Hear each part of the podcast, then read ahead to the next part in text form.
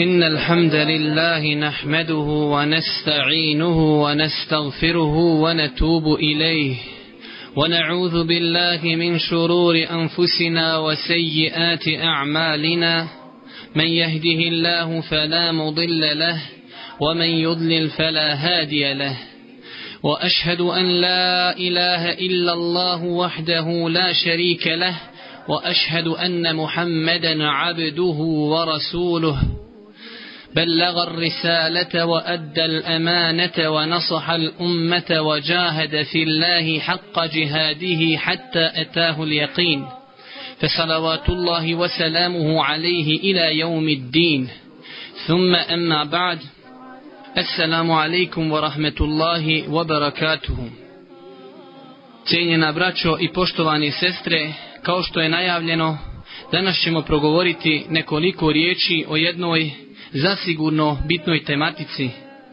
Odnosno, ova tematika bi trebala da bude bitna za svakog čovjeka muslimana koji vjeruje u Allaha subhanahu wa ta'ala i sudnji dan.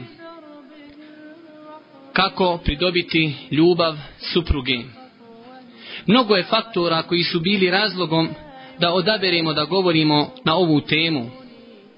A da nema drugog razloga osim to da kroz razgovor sa mnogim muslimanima doznajemo da kod velikog broja muslimana nešto neštima u braku.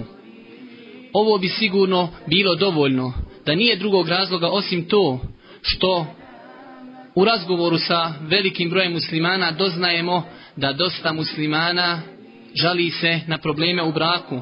To bi zaista bio dovoljan razlog da čovjek progovori nekoliko riječi o ovoj temi. Ako bi pridodali na to realnost koliko vremena čovjek provodi u kući i ako nema usklađen bračni život, onda to biva razlogom da čovjek prezire boravak u kući. Prezire povrata kući nakon napornog dana. Trebalo bi da bude obrnuto, da čovjek žudi za povratkom kući. Njegova kuća bi trebala da bude oaza imana, njegova oaza smiraja u ovim teškim vremenima. Stoga ćemo mi, cijena braću i poštovani sestre, spomenuti nekoliko načina kako čovjek može da pridobije ljubav supruge. Kako da vrati sklad bračne zajednice, kako da povrati izgubljeno povjerenje. Jer, braćo moja draga i cijenine sestre, velika je uloga porodice u islamu. I ako porodica bude funkcionisala kako treba, očekivati je da ona da dobre plodove. A Boga mi, ako ne bude funkcionisala onako kako treba, to zasigurno predstavlja problem za pojedinca i za društvo. Ljubav i međusobno poštovanje supružnika jedan je zasigurno bitan faktor u ispravnom funkcionisanju ove čelije društva. Braćo moja draga i cijenjene sestre, kako da očekujemo u budućnosti dobro odgojenu djecu, koja će sutra biti nosioci ovoga društva, ako život njihovih roditelja nije usklađen kako treba?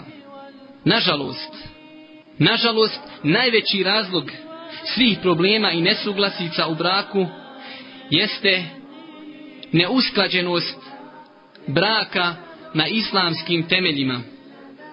Dosta puta, braćo moja draga, mi se udaramo u prsa kako mi praktikujemo islam, vjeru u svakodnevnom životu. Ali, kada se sklonimo od očiju javnosti i uđemo u kuće, okrećemo drugu stranicu života. O tome bi najbolje mogle posvjedočiti naše supruge ili naši ukućani. Čudno je kako ako smo tako dobri muslimani, nismo čuli za jedan hadis Božih poslanika sallallahu alaihi gdje kaže hajrukum, hajrukum li ehlikum najbolji među vama su oni koji su najbolji prema svojim porodicama. Hadis je vjerodostojan. Braćo moja draga i cijenje sestre, ne ogleda se praktikovanje Islama samo u nekoliko, rije, u nekoliko dijela kako to neki misli. Već Islam je, braćo moja draga, celokupan sistem života. Boži poslanik sallallahu alaihi wasallame imao je devet žena, devet supruga i to su bile devet kamera koje su radile non stop i koje su nam prenosile ponašanje Božijeg poslanika sallallahu alaihi wasallame. I opet kada pogledamo, vidjet ćemo kako su supruge Božijeg poslanika sallallahu alihi wasallame opisivale njega, njegov život, njegov moral, njegovu etiku, pa kaže Aisha radijallahu ta'ala anha, kane huluku rasulillahi sallallahu alaihi wasallame el quran Ahlak, moral Božijeg poslanika sallallahu alihi wasallame je bio Kur'an. Božji poslanik sallallahu alihi wasallame je bio Kur'an koji hoda. Zamislite, braćo moja draga i cijenjene sestre, da mi dopustimo i dozvolimo našim ženama da počnu govoriti o našim lošim osobinama koje one poznaju. Zasigurno bi mogli čuti mnogo toga. Postavimo sebi jedno pitanje i dajmo odgovor na njega. Kako bi shvatili da li smo mi zaista dali našim suprugama njihova prava? Koliko puta, braćo moja draga i ciljne sestre, ovo važi i za žene i za muškarce. Koliko puta kada boravimo negdje u društvu, na ulici, doživimo neku uvredu od nekoga. Pa to halalimo želeći da pokažemo svoj sabur, svoju vjeru, svoj moral. A zamislite, braćo moja draga i cijenine sestre, da istu takvu grešku doživimo od naše supruge. Ili dosta puta da doživimo mnogo manju grešku od te greške koju smo doživjeli od nekoga ko nam možda nije nikakav rod. Vidjeli bi, braćo moja draga, da ne bi našoj hanumi, našoj supruzi halalili i oprostili onako lahko kako smo to halalili nekome koga možda i ne poznajemo. Da li je, braćo moja draga, ta osoba od koje smo doživjeli uvredu, da li je preča da joj halalimo od naši suprugi? Ako je ta osoba musliman, pa i naša supruga je musliman, znači imamo isti razlog da i našoj supruzi halalimo kao što i ta osoba, ali vidjet ćemo da naša supruga ima mnogo drugih stvari zbog kojih zaslužuje da joj se halali više nego što zaslužuju druge osobe. Tako ćemo naći, braćo moja draga, da naše supruge nama kuhaju, nama peru, brinu se o nama kada se razbolimo i mnogo drugih stvari koje one samo znaju. Normalno, kada govorimo o ovoj tematici, kao što je najavljeno, postoji tu i druga strana, to jest načini kako supruga da pridobije ljubav svoga muža. Mi ćemo uz Allahu subhanahu wa ta'ala pomoć nekada organizovati posebno predavanje u kojem ćemo obraditi načine na koje supruga može da pridobije ljubav svoga muža. Kada govorimo o ovoj tematici, zasigurno, zasigurno je da se obraćamo oženjenoj populaciji ljudi, ali zasigurno ako i neoženjeni budu slušali ovu tematiku, uzeći mnogo koristi, jer zasigurno je ženitba nešto što ih čeka u njihovoj budućnosti.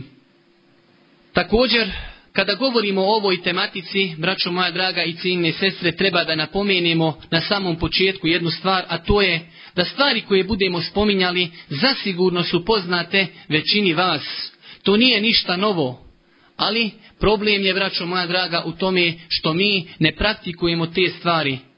Zato, kao što kaže Allah subhanahu wa ta'ala, fezekir fe inne zikra mu'minin, ti opominji, a opomena će koristiti vjernicima. S tog aspekta mi ćemo pokušati spomenuti nekoliko načina kako čovjek da pridobije ljubav svoje supruge.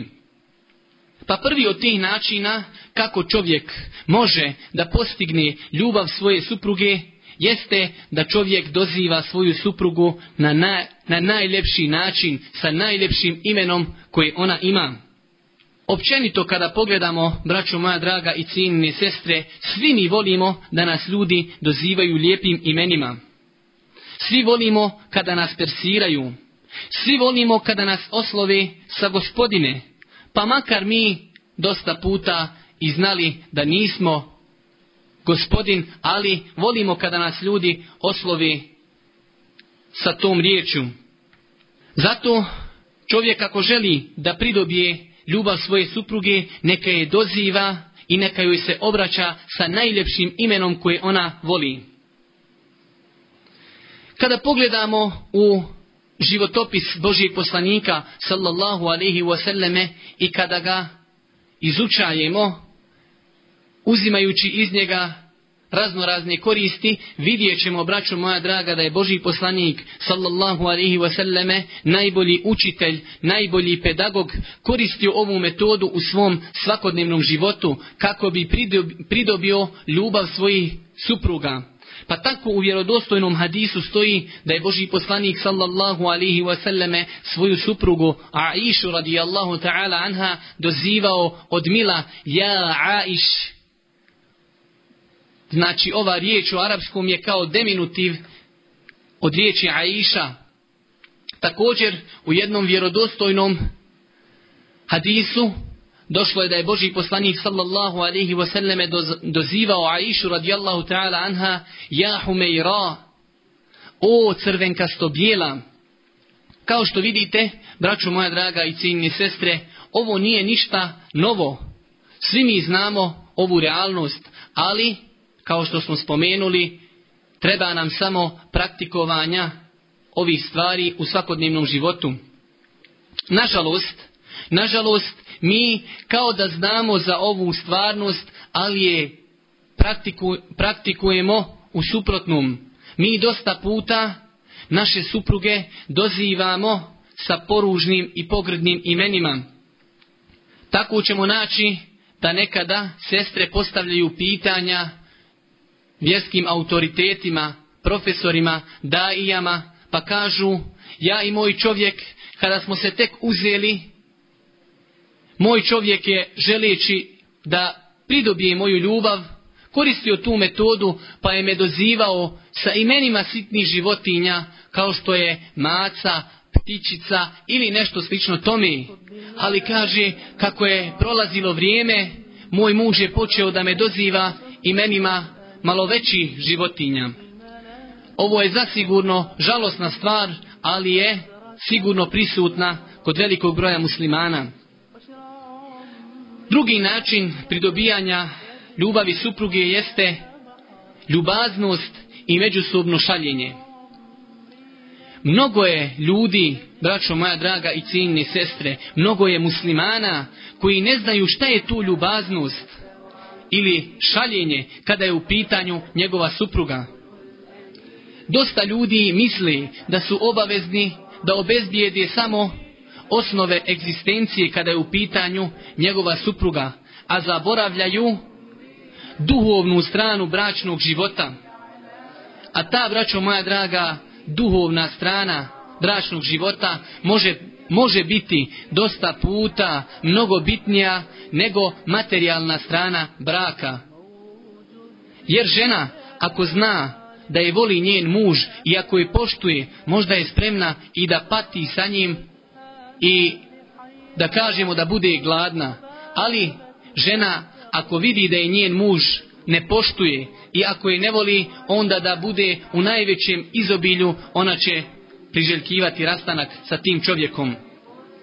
Pogledajmo, na vraću i poštovani sestre, Božijeg poslanika, sallallahu alaihi wasallame, pogledajmo njegove obaveze, koliko je samo obaveza imao Božji poslanik, sallallahu alaihi wasallame, počevši od toga da je bio predsjednik državi, da je bio vođa muslimana u ratu, da je bio sudija, da je bio otac, da je bio muž, ali podmi svih obaveza Boži poslanik sallallahu alaihi wasallame najbolji učitelj nalazio bi vremena da se našali sa svojim suprugama.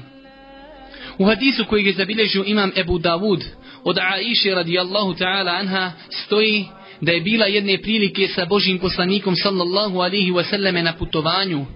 Pa je Boži poslanik sallallahu alihi wasallame naredio vojsci da idu, pa kada su otišli, onda je Boži poslanik sallallahu alaihi wasallam pozvao Aishu da se utrkuju. Pa kaže Aisha radijallahu ta'ala anha da je ga ona tada pobjedila. Pa prenosi Aisha dalje. Kada sam se udebljala, Boži poslanik sallallahu alaihi sallam je pozvao ponovo da se utrkujemo. Pa je me pobjedio, pa je kazao, ovo ti je za onu pobjedu. Vidimo, braću moja draga, da Boži poslanik povrh svih obaveza koje je imao, nalazio bi vremena da se utrkuje sa svojom Hanumom. Neka svako od nas postavi sebi pitanje da li je ikada uradio ovo što je uradio Boži poslanik sallallahu alaihi wasallame, da li je se ikada utrkivao sa svojom Hanumom kako bi time pridobio njenu pažnju i njenu ljubav.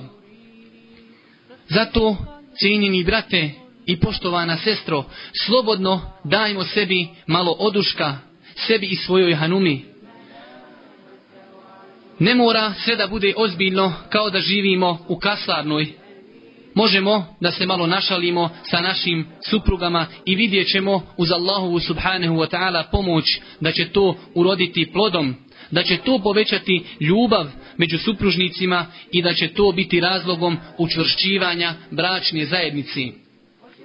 Treći način pridobijanja ljubavi supruge jeste korištenje metode poklon iznenađenja.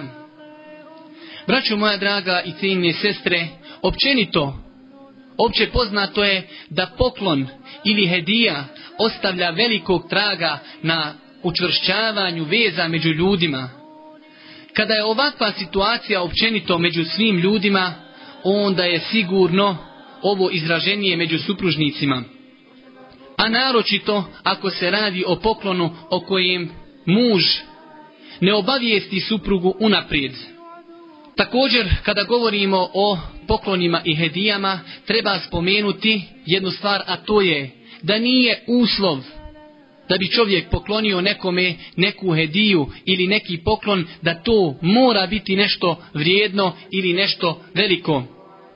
Braćo moja draga, treba da znamo da je svrha poklona da pokaže da čovjek misli o drugoj osobi ili u ovom našem slučaju konkretno da čovjek misli o svojoj supruzi, da ona shvati da ona zaslužuje tu pažnju i da dobije, da kažemo, jednu nagradu za trud koji ulaži svakodnevno u hizmetu svome mužu.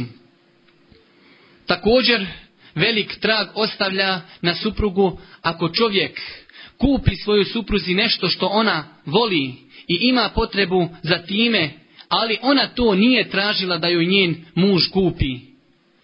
Da žena ima potrebu za nečim i njen muž zna za to, pa joj kupi tu dotičnu stvar, bez da ona traži to od njega, braćo moja draga, to neminovno vodi ka jačanju bračnih veza među supružnicima. Ona će zasigurno kroz to shvatiti da nije zapostavljena, shvatit će da je njen muž voli, da razmišlja o njenim željama, a to zasigurno i neminovno vodi ka povećanju ljubavi, poštovanja, poslušnosti među supružnicima. A u osnovi, Boži poslanik sallallahu alaihi wasallam, kada se obraća cijelom ummetu, kaže Tehadeu tehabu, razmenjujte međusobno poklone, da biste se zavoljali, to jest ako budete međusobno razmenjivali poklone, to će biti razlogom da se zavolite i da se vaša srca zbliži. Ovaj hadis je vjerodostojan. Četvrti način pridobijanja ljubavi supruge da čovjek pohvali svoju suprugu pred strancima, a naročito ako su u pitanju njeni roditelji, njena familija ili čak njegovi roditelji.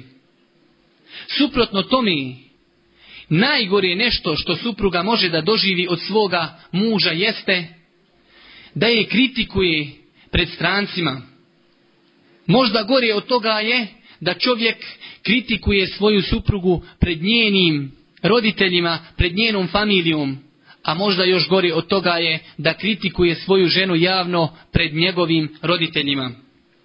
Čovjek bi trebao da bude pametan i šta god da se desi da to ne spominje niti rodbini svoje supruge, niti svojoj rodbini.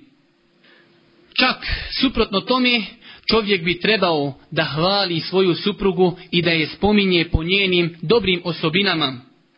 Jer, braću moja draga, treba da budemo realni i da razmišljamo o tome da čovjek ako spominje svoju suprugu po lošim osobinama pred njom, pred strancima, zasigurno to vodi da njegova supruga postane neposlušna njemu, a suprotno tome, ako čovjek želi da popravi svoju suprugu, onda treba da je spominje po njenim dobrim osobinama i to će uz Allahovu pomoć biti razlogom popravljanja eventualnih grešaka. Peti način pridobijanja ljubavi supruge jeste prihvatanje određenih mahana i nedostataka kod supruge. Kada pogledamo u život, vidjet ćemo, braćo moja draga i ciljne sestre, da čovjek živeći sa svojom suprugom dugi niz godina sigurno će upoznati neke stvari negativne kod svoje supruge, neke slabosti i neke mahane. Ali treba da bude realan i da zna da ta njegova supruga u isto vrijeme ima mnogo, mnogo više dobrih i čestitih osobina od loših osobina. Zbog kojih čovjek neće prekrižiti svoju suprugu. Već će biti realan i nju će gledati kroz prizmu njenih loših i dobrih dijela. A zasigurno je, braćo moja draga i cijenine sestre, da svaka žena, a naročito, naročito žene koje se boje Allaha subhanahu wa ta'ala, koje žive na dunjaluku i želi Allahu subhanahu wa ta'ala zadovoljstvo, imaju mnogo više dobrih osobina nego loši. Samo gdje je problem? Problem je što šeitan, Allahovo proklestvo neka je na njega, dosta puta zaslijepi insana do te mjere da čovjek zaboravi sve dobre osobine njegove supruge zbog sitnice koja je u datom momentu nije po njegovoj volji. Čovjek znači zbog neke sitne stvari naljuti se i zaboravi sve dobre osobine svoje supruge. Kaže Allah subhanahu wa ta'ala وَعَاشِرُهُنَّ بِالْمَعْرُوفِ فَإِنْ كَرِهْتُمُوهُنَّ en أَنْ تَكْرَهُ شَيْئًا وَيَجْعَلَ اللَّهُ فِيهِ خَيْرًا كَثِيرًا A ako prema njima odvratnost osjetite, Allah subhanahu wa ta'ala se obraća muškarcima. Pa kaže, a ako prema njima odvratnost osjetite, moguće je da odvratnost osjećate prema nečemu u čemu je Allah subhanahu wa ta'ala veliko dobro dao. Zamislite, braćo moja draga i ciljne sestre, kada bi čovjek ili žena uzeo papir i olovku i pokušao da na tom papiru napiše dobre i loše osobine svoje supruge. Vidio bi zasigurno da je dobrih osobina mnogo više nego loših. Ali gdje je problem? Problem je, braćo moja draga, u nama. Dosta puta mi želimo idealnu suprugu. Želimo suprugu koja nema nikakvih grešaka. Želimo suprugu koja nema nikakvih nedostataka, a mi dopuštamo sebi da imamo mnogo propusta, dopuštamo sebi da imamo mnogo manjkavosti. Nije to realnost. Ni, mi ne zaslužujemo da imamo supruge kao što su bile ashabike, a mi nismo kao što su ashabi. Zato čovjek treba da prihvati svoju ženu onakvu kakva jest i da ne očekuje preokret preko noći. Ako čovjek želi da popravi neke loše osobine kod svoje hanume, kod svoje supruge, onda mora da se naoruža mudrošću, saburom, strpljenjem i da ne požuruje. Šesti način pridobijanja ljubavi supruge jeste da čovjek pomogne svojoj supruzi u kućanskim poslovima. Koliko je, braćo moja draga i ciljne sestre, ljudi koji imaju neispravno razmišljanje kada je u pitanju čovjekovo pomaganje supruzi u kućanskim poslovima. Mnogo ljudi, mnogo muslimana, nažalost, smatraju pomaganje supruzi u kućanskim poslovima poniženjem, takozvanim papučarstvom. A kada pogledamo u praksu Božjih poslanika sallallahu alaihi wasallame vidjet ćemo nešto suprotno našem ubjeđenju. Vidjet ćemo da je Božji poslanik sallallahu alaihi wasallame povrh svih obaveza koje smo spomenuli da je imao jer je bio predsjednik države, jer je bio vođa u ratovima, jer je bio sudija, bio je otac, bio je muž, ali Povr svega toga nalazio bi Boži poslanik sallallahu alaihi wasallame vremena da pomogne svojoj porodici u kućanskim poslovima. U hadisu koju je zabilježio imam Ahmed od Aiše radijallahu ta'ala anha stoji kada su je upitali šta je radio Boži poslanik sallallahu alaihi wasallame u kući rekla je bio je običan insan muzao bi ovce i sam sebe bi posluživao. Zamislite, braćo moja draga i cijenine sestre, Boži poslanik, sallallahu alaihi wasallame, najodabranija ličnost na Dunjaluku, nije mu bilo ispod niženja da on sam sebe poslužuje, da on muze ovcu, da on sam sebi krpi odjeću. Također u hadisu koji je zabilježio Imam Buharić, da je Boži poslanik sallallahu alihi wasallame hizmetio svojoj porodici, pa kada bi nastupilo namasko vrijeme, kada bi začuo ezan, izašao bi na namaz. Boži poslanik sallallahu alihi wasallame hizmeti i pomaže svojoj porodici. Pa zar mi, kao muslimani, koji se trudimo da u svakodnevnom životu praktikujemo ovu vjeru islam i da slijedimo Božijeg poslanika sallallahu alaihi wasallame, da nam bude iz poniženja da našim suprugama ponekada pomognemo nešto u kućanskim poslovima. Zasigurno ako bi čovjek, ako bi se ponašao ovako, zasigurno bi to bio razlog jačanja bračnih veza i pridobijanja ljubavi svoje supruge. Sedmi način pridobijanja ljubavi supruge jeste da čovjek pazi i poštuje njenu rodbinu i da ne zabranjuje svojoj supruzi posjetu i obilazak njene rodbini. Općenito, braćo moja draga, kada pogledamo u ciljeve ovi naši plemenite vjeri, vidjet ćemo da ova vjera zagovara lijepo obhođenje sa onima koji nas okružuju. Pa šta je onda sa onima koji nas okružuju, a sa njima smo dodatno vezani tazbinskim vezama. Tako pametan insan, čovjek musliman, pokušat će da se potrudi da kada su u pitanju njegovi odnosi naspram osoba s kojima je vezan tazbinskom vezom, pokušat će da se prema njima lijepo ponaša. Zasigurno ovo lijepo ponašanje prema njima biće razlogom mnogih koristi prema njemu, mi ćemo spomenuti samo neke od njih. Prva od tih koristi jeste da će time čovjek pridobiti ljubav svoje supruge. Mi smo dosta puta nerealni. Tražimo od naših supruga da poštuju, da vole i da paze našu rodbinu, da poštuju i da paze naše roditelje, a mi u dosta slučajeva ne poštujemo roditelje naše supruge, a da ne govorimo o daljnjoj rodbini naše supruge.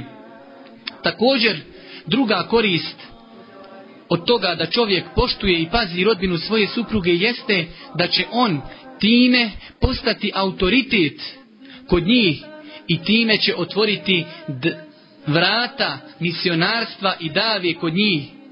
Biće u mogućnosti da sutra te ljude pozove u Allahovu subhanahu wa ta'ala vjeru ili da im pojasni neke stvari vezane za vjeru, a koje oni možda ne poznaju. Osmi način pridobijanja ljubavi supruge jeste i to da čovjek uzme u obzir supruginu ljubomoru i da pokuša da shvati svoju suprugu zbog toga. Treba da znamo, braćo moja draga, da ljubomora ženi nije kao ljubomora muža, već je ona nešto drugo. Teže je kontrolisati nego ljubomoru muža. Žene dosta puta budu ljubomorne na stvari na koje ne bi trebale da budu ljubomorne.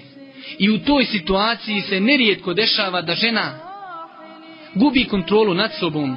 Tako bi čovjek trebao da prepozna te situacije i trebao bi da uvažava te greške koje su nastale razlogom buženja ljubomore kod njegove supruge. Pogledajmo Božijeg poslanika sallallahu alihi wasallame, onoga koji je uzor u našem svakodnevnom životu. Jedne prilike Božji poslanik sallallahu alaihi wasallam je bio kod Aisha radijallahu ta'ala anha. Tu je bilo i drugih ljudi, njegovih gostiju. Pa je jedna druga žena Božijeg poslanika sallallahu alaihi wasallame poslala zdjelu u kojoj je bilo nešto hrani. Pa kada je to vidjela Aisha radijallahu ta'ala anha, u čijoj kući je bio Božji poslanik sallallahu alaihi wasallame, uzjela je zdjelu i razbila je od zemlju. Zamislite, braćo moja draga, neka svako od nas postavi sebi pitanje kako bi reagovao, reagovao naspram svoje supruge da mu se desi nešto ovako. Da ima goste i da neko pošalje hranu njemu u prisustvu gostiju da dođe njegova supruga i da taj tanjir razbije pred njima od zemlju. Kako bi se mi ponašali? Neka sebi svako postavi pitanje, a odgovor neka sačuva za sebe. Ali pogledajmo kako je Boži poslanik, sallallahu alihi wasallame, kako je se ponašao u ovoj situaciji. Kaže Boži poslanik, sallallahu alihi wasallame, dvije riječi samo. Nije se razljutio već je samo kazao Garat Probudila je se ljubomora kod vaše majke. Zamislite, braćo moja draga, ovih moralnih osobina Božijeg poslanika sallallahu alihi wasallame koje bi trebale da se nađu kod svakog od nas. Samo dvije riječi u ovako teškoj situaciji Boži poslanik sallallahu alaihi wasallam samo kaže Garat ummukum, probudila je se ljubomora kod vaše majke. Deveti način pridobijanja ljubavi supruge jeste, braćo moja draga, da čovjek ne smatra da je on uvijek u pravu. Suprotno ovome, jedan od načina buđenja mržnje i problema u porodici jeste to nažalost, nešto što je kod nas zasigurno mnogo puta prisutno, to da muškarci uvijek smatraju da su oni u pravu, a da su supruge uvijek u krivu. Čovjek musliman, sljedbenik Božih poslanika sallallahu alihi wasallame, trebao bi da bude pravedan i da kada se desi neki problem, da bude spreman da pogleda istini u oči. Pa ako je on bio razlogom nekog problema, treba da bude spreman da prizna počinjenu grešku. Treba da pokuša da se ta greška više ne ponavlja. Jer svi mi, muškarci, kažemo svojim suprugama, kada napravi neku grešku, možemo tolerisati da se desi neka greška jednom, ali nemoj da se ta greška ponavlja. Tako mi govorimo našim suprugama. Pa šta je razlika između muškarca i supruge? Ako čovjek pogriješi, trebao bi da se trudi da se ta greška više ne dešaji. Također, ako čovjek napravi neku grešku u kojoj je uvrijedio svoju suprugu, svoju hanumu, trebao bi Boga mi i da traži halala, jer ako si cijeni brate i poštovana sestro bio spreman ili bila spremna da uvrijediš svoga supružnika, onda budi spreman i pobjedi svoju dušu, iako znam da to nije lako, budi spreman, pobjedi šetana i zatraži halala od svog supružnika, jer ako bi bio spreman da zbog iste greške zatražiš halala od nekog ko nije toliko blizak tebi kao tvoj supružnik, onda budi spreman da zatražiš halala i od svog supružnika. A to, braću moja draga, da se dešaje među nama, sigurno bi to povećalo ugled supružnika jednih kod drugih. Ako bi čovjek zatražio halal od svoje supruge, kada pogreši, to bi sigurno povećalo njegov ugled, njegov autoritet kod njegove supruge, ako je ona vjernica i ako se boji Allaha subhanahu wa ta'ala. I ne treba čovjek da smatra tu stvar poniženjem, to je od šeitana Allahovo prokljestvo neka je na njega. Zato kažemo, zasigurno je problem da ljudi, muškarci, smatraju da su oni uvijek u pravu, a da su žene uvijek u krivu. Je li to, braćo moja draga, ona realnost i ona pravda koja, kojoj nas uči ova plemenita vjera, Islam? Poslušajmo riječi Allaha subhanahu wa ta'ala gdje kaže... يا أيها الذين آمنوا قوا أنفسكم وأهليكم نارا odnosno أيها الذين آمنوا كونوا قوامين بالقسط شهداء لله ولو على أنفسكم أو الوالدين والأقربين او vjernici, budite uvijek pravedni, Poslušajte, braćo moja draga, Allah subhanahu wa ta'ala poziva vjernike da uvijek budu pravedni. Kaže Allah subhanahu wa ta'ala, svjedočite Allaha radi, pa makar to bilo protiv vas samih ili roditelja ili rodbine. Je li pravda to da čovjek uvijek smatra da je on u pravu, a žena u krivu? Je li to pravda kojoj nas poziva Allah subhanahu wa ta'ala u ovom kuranskom ajetu gdje kaže o vjernici budite uvijek pravedni. Deseti način pridobijanja ljubavi supruge jeste davanje ženi nešto od imetka za njene lične potrebe. Treba čovjek, braćo moja draga, da da svojoj supruzi nešto od imetka i da to bude u njenom vlasništvu da ona raspolaži time kako hoće. Jer, braću moja draga, čovjek musliman ne bi trebao da dovede svoju suprugu u situaciju da ona mora da ukrade nešto i uzima nešto od njegovog imetka bez njegove dozvoli. Kao što smo spomenuli, cijena braćo i poštovane sestre, deseti način pridobijanja ljubavi supruge jeste da čovjek, muž, da svojoj supruzi nešto od njegovog imetka za njene lične potrebe, da to bude njeno vlasništvo i da ona raspolaže time onako kako ona misli. Jer, braćo moja draga, kao što smo spomenuli, ne bi čovjek trebao da dovodi svoju suprugu u, ti, u tu situaciju da ima potrebe za nekim stvarima pa da mora da tajno ili da kažemo krađom uzima imetak svoga supruga. A treba da znamo da je šerijat također dozvolio to ako čovjek ne daje svojoj supruzi dovoljno imetka da ona smije da uzme od njegovog imetka onoliko koliko je potrebno kao što je se desilo Božim poslaniku sallallahu alaihi wasallam, kada je došla žena Ebu Sufjana radijallahu ta'ala anhu hadis koji su zabilježili Buharija i Muslim pa je se požalila na škrtost Ebu Sufjana pa je Božji poslanik sallallahu alaihi wasallam kazao huzima ma wa waladiki bil ma'ruf uzmi sebi i svome djetu onoliko koliko vam je potrebno.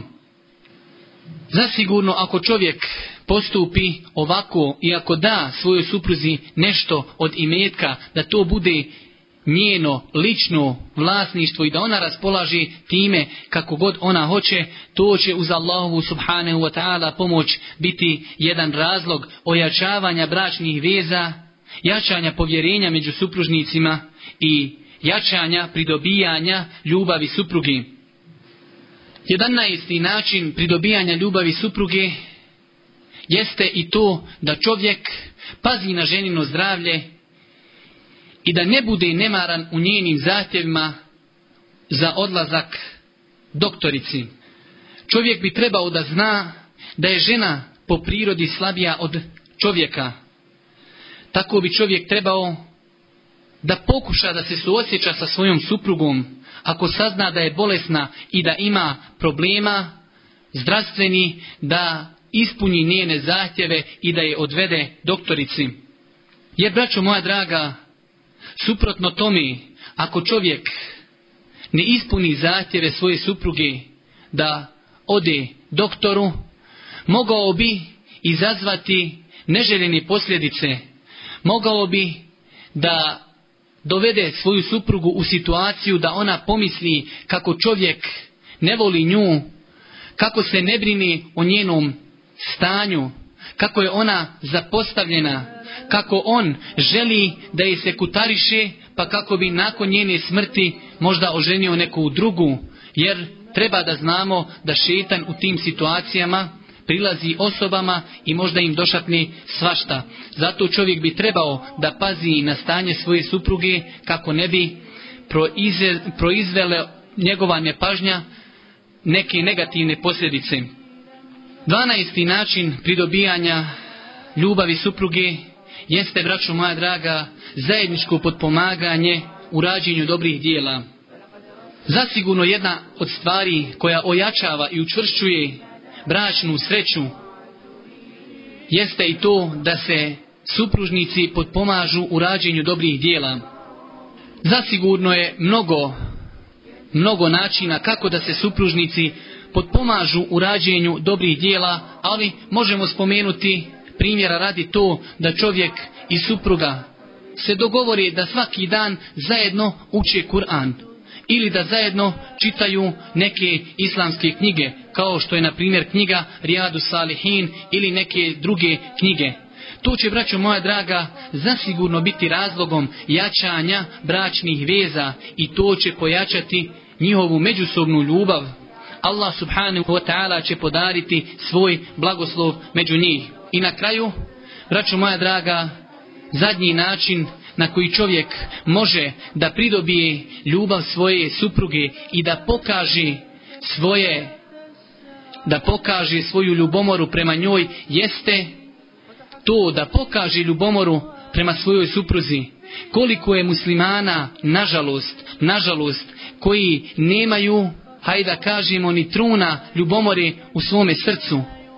Možda se neko i naljuti i ne složi sa nama, ali kako čovjek može da vjeruje da u nečijem srcu postoji ljubomora, a on zajedno sa svojom suprugom izlazi u grad, a ona više neobučena nego obučena ili kako čovjek može dozvoliti svojoj supruzi da radi u kafani ili u nekoj diskoteci kako čovjek može dozvoliti svojoj supruzi da takva neispravno šerijatski obučena izlazi na ulicu, izlazi namirisana, a znamo da Boži poslanik sallallahu alaihi wasallame poredi ženu koja izađe na ulicu namirisana sa ženom koja je počinila blud. Zamislite, braću moja draga, Boži poslanik zabranjuje ženi da iziđe na ulicu namirisana. A šta je onda sa našim ženama, muslimankama koje, kao što smo kazali, više su otkrivene nego što su pokrivene.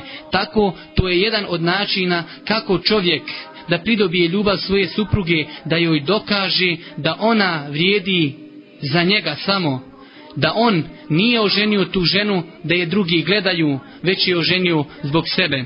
Na kraju molimo Allaha subhanahu wa ta'ala da nas učvrsti u njegovoj vjeri. Molim ga subhanahu wa ta'ala da pomogne muslimane na svakom mjestu i molim ga subhanahu wa ta'ala da nas uvede u džennet nagradu koju je obećao iskrenim vjernicima i na kraju subhaneke Allahumma ve bihamdike ešhedu en la ilaha illa ente estagfiruke wa etubu